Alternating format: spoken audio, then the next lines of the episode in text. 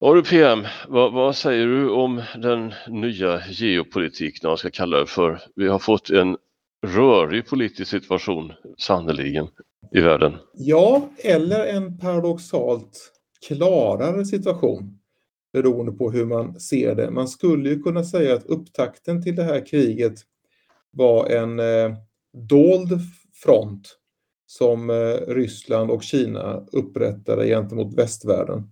Eh, dessa två länders syften är ju att eh, avsluta eh, västvärldens överhöghet, särskilt USAs överhöghet, i såväl Europa som i Stilla havsregionen.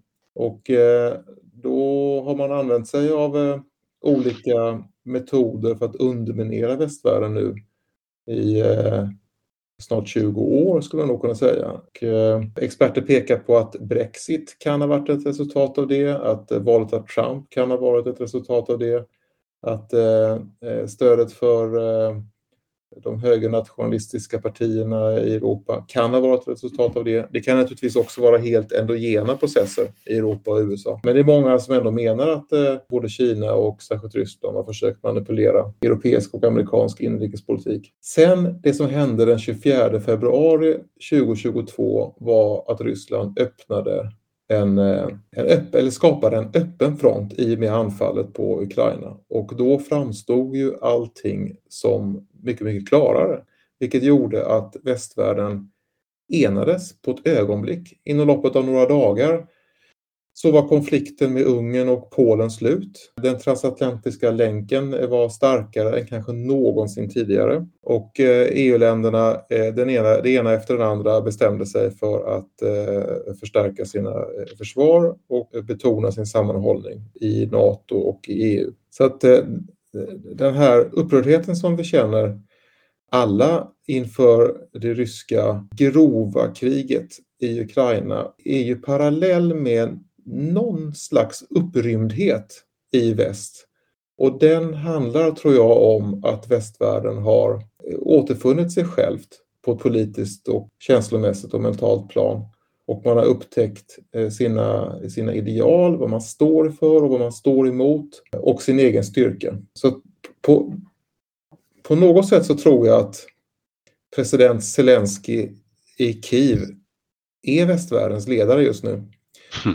Och, eh, att, eh, och det krig han utkämpar är i hög grad eh, vårt krig. Så det är väldigt mycket som bestäms av utkomsten av kriget i Ukraina. Om Ukraina förlorar på det här tragiska sättet som det såg ut som i början av kriget med stöd av Kina, då går vi, tror jag, snabbt in i en eh, bipolär värld som kommer att präglas av hårda motsättningar. Ett nytt kallt krig mellan Ryssland, Kina och väst.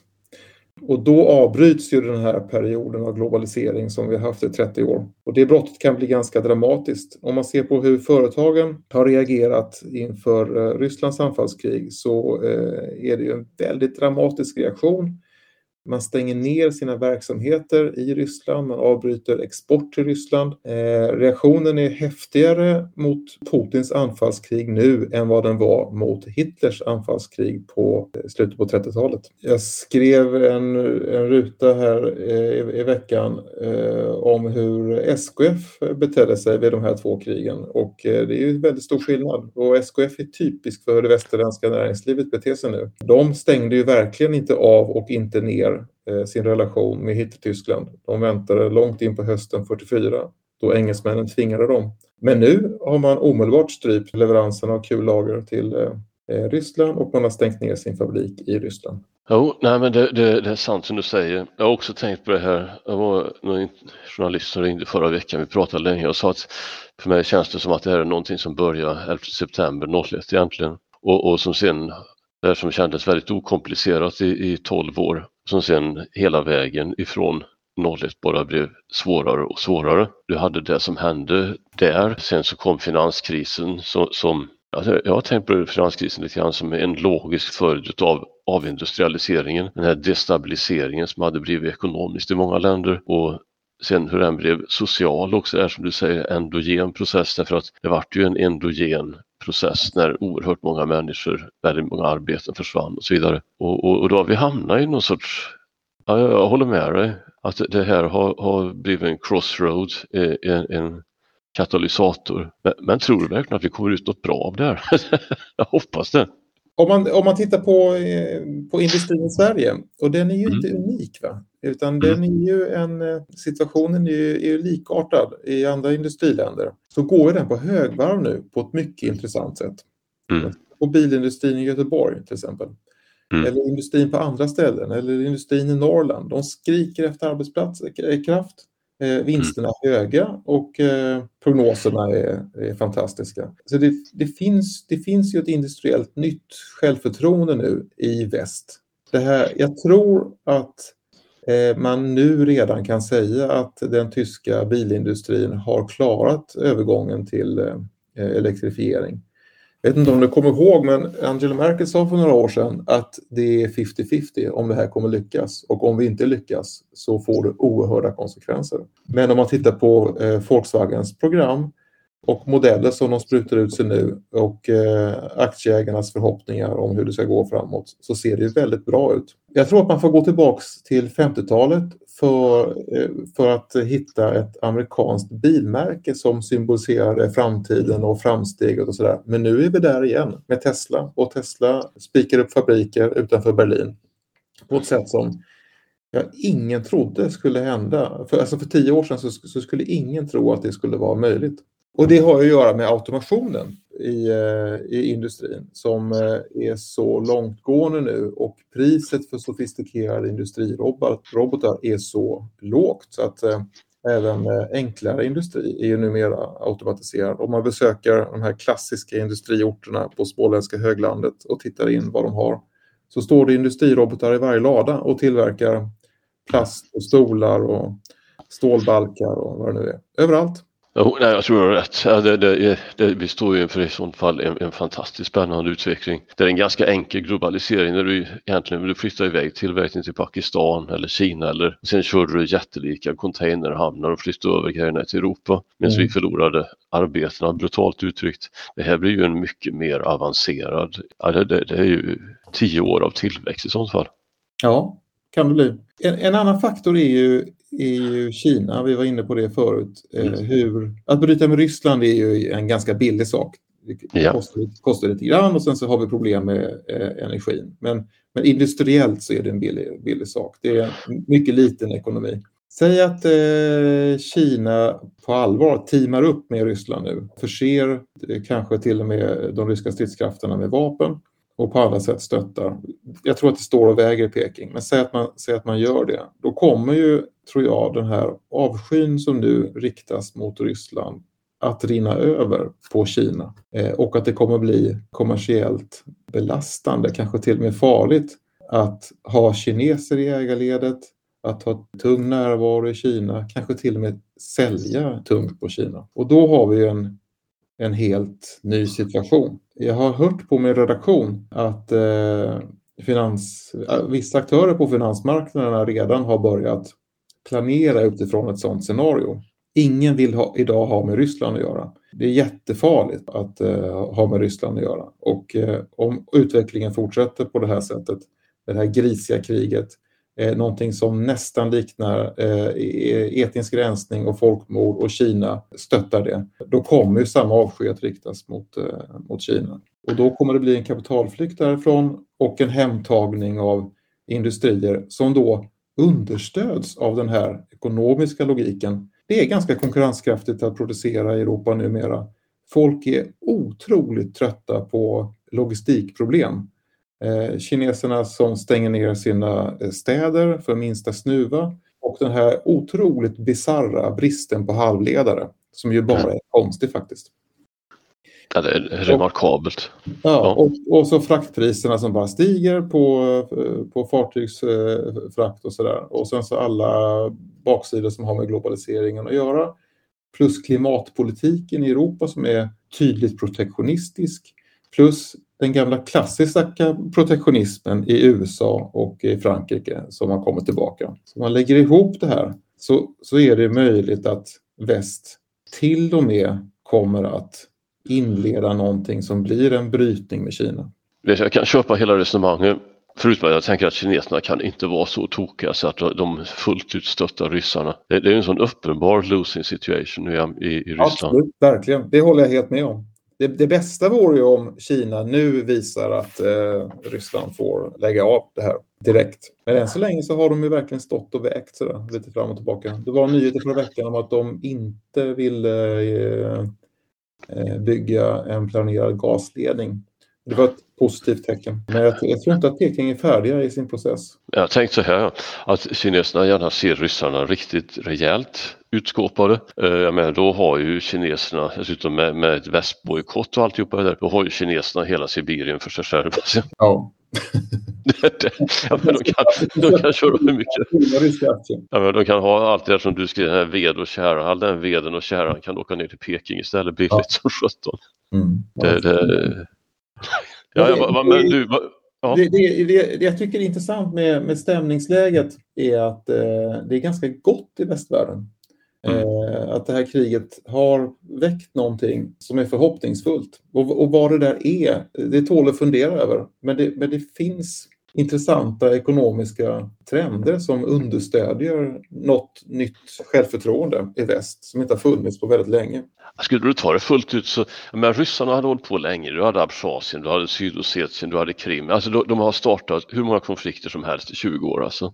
Mm. Och, och, de har gjort det i ett, någon sorts dubbelmedvetande om att de skulle vara är världens starkaste makt med en ekonomi som är i klass med Italien. Och, och det är ju idealiskt att de är en ekonomi i klass med Italien för det gör ju väldigt billigt för västländer, västföretag att dra sig ur. Och, och någonstans så du sitter med dåliga kort vid, vid ett pokerbord men du lyckas att bluffa hela bordet oavbrutet. Mm. Till slut så, så går du ju över gränsen och, och, då gör de det fullt ut. Och det finns ju en logik i detta. Det, det, mm. Mm. Sen så att du har någon som Zelensky som sitter då i, i Kiev. Det, det... Mm.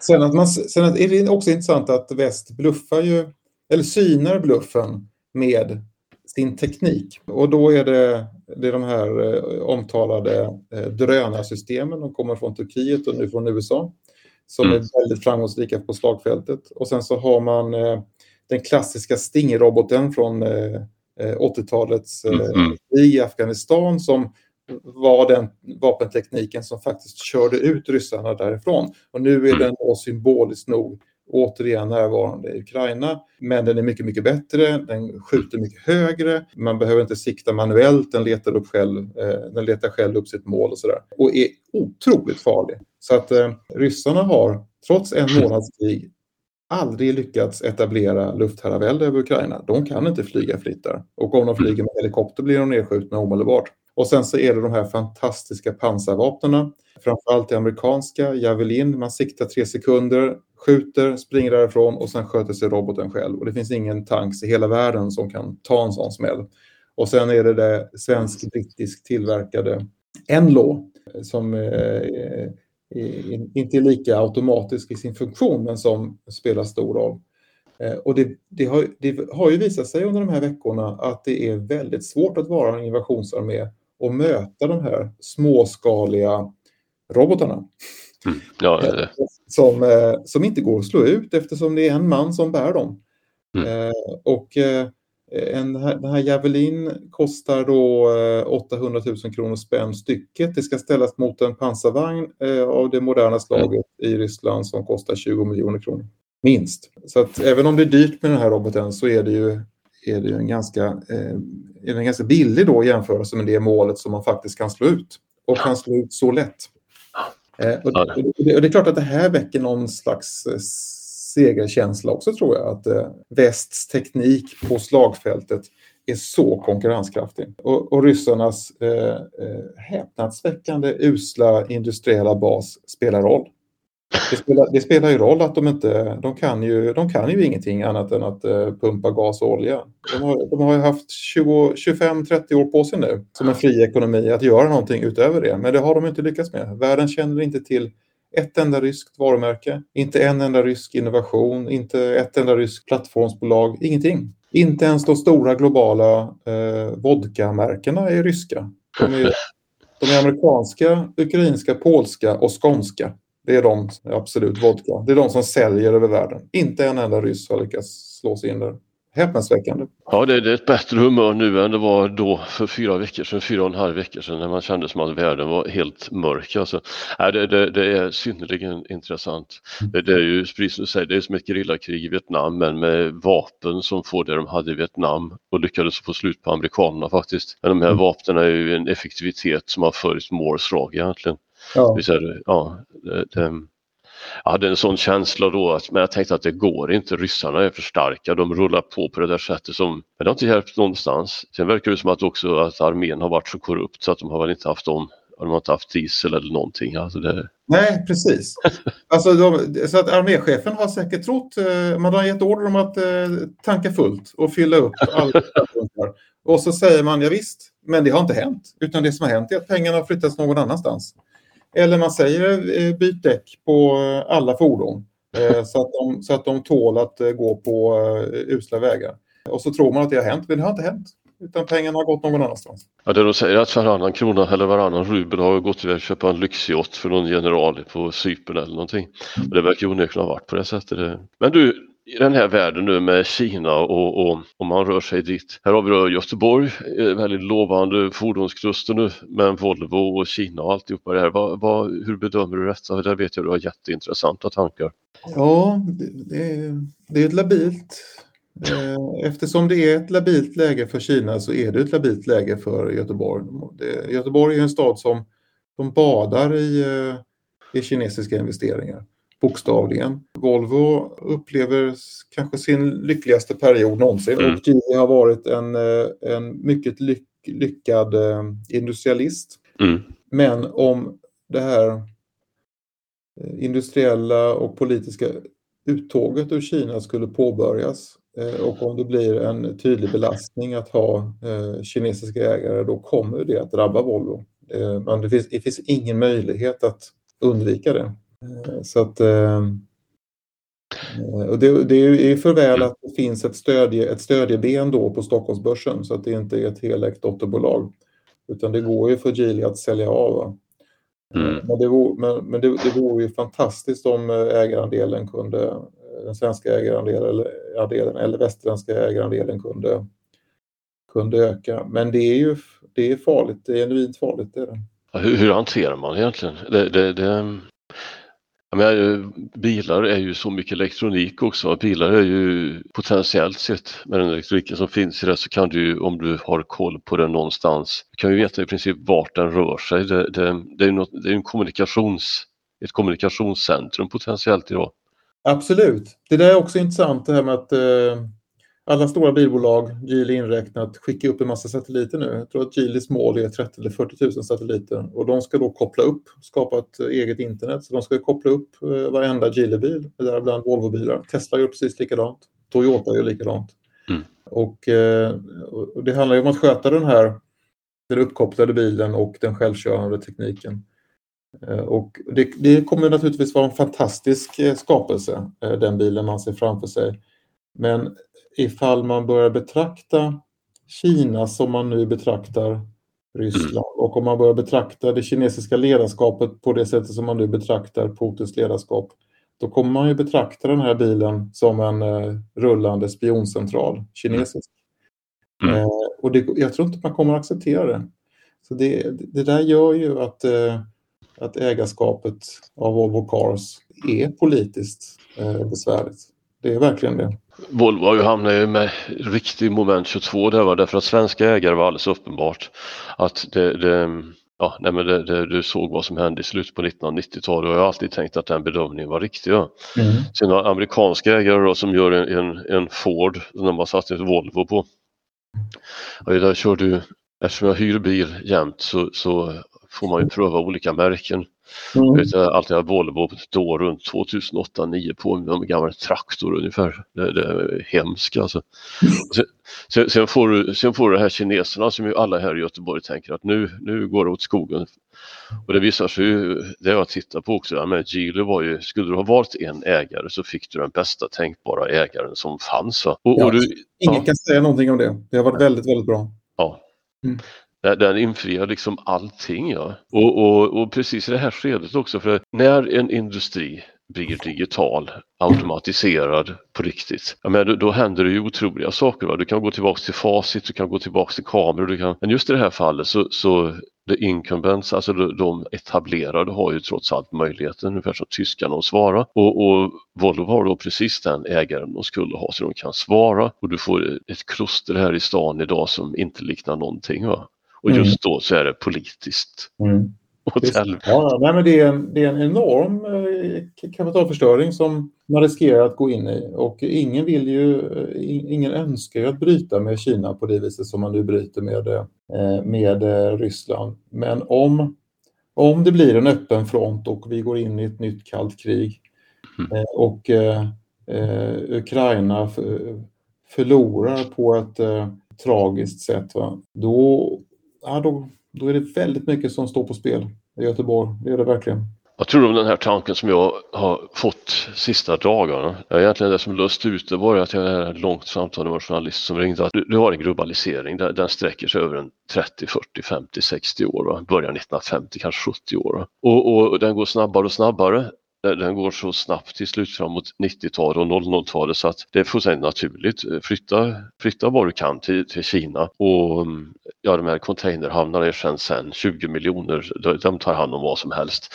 Och, och vad gäller energi och så är det inga större problem. Lägg ner kärnkraftverk eller vi kan alltid skeppa in rysk gas via stora rör, alltså det, det är allt. Men, men det, det, är mycket, mycket känsligare än någon har föreställt sig. Det ser vi nu rakt av. Det, det är så mycket störningar ifrån kapitalmarknaden till att du får en snuva till att du till slut brister någonstans krigsmässigt. Att du, du får en enorm utveckling av produktivkraften men, men, men ingen som helst förändring i den här berömda överbyggnaden. Alltså, du, att, den här känslan av att du behöver en ny institutionell överbyggnad. Och det, du, du har FN liksom, det är inte ens ett skämt. Det, det, men, men hur Tror du det går att skapa en sån stabil överbyggnad?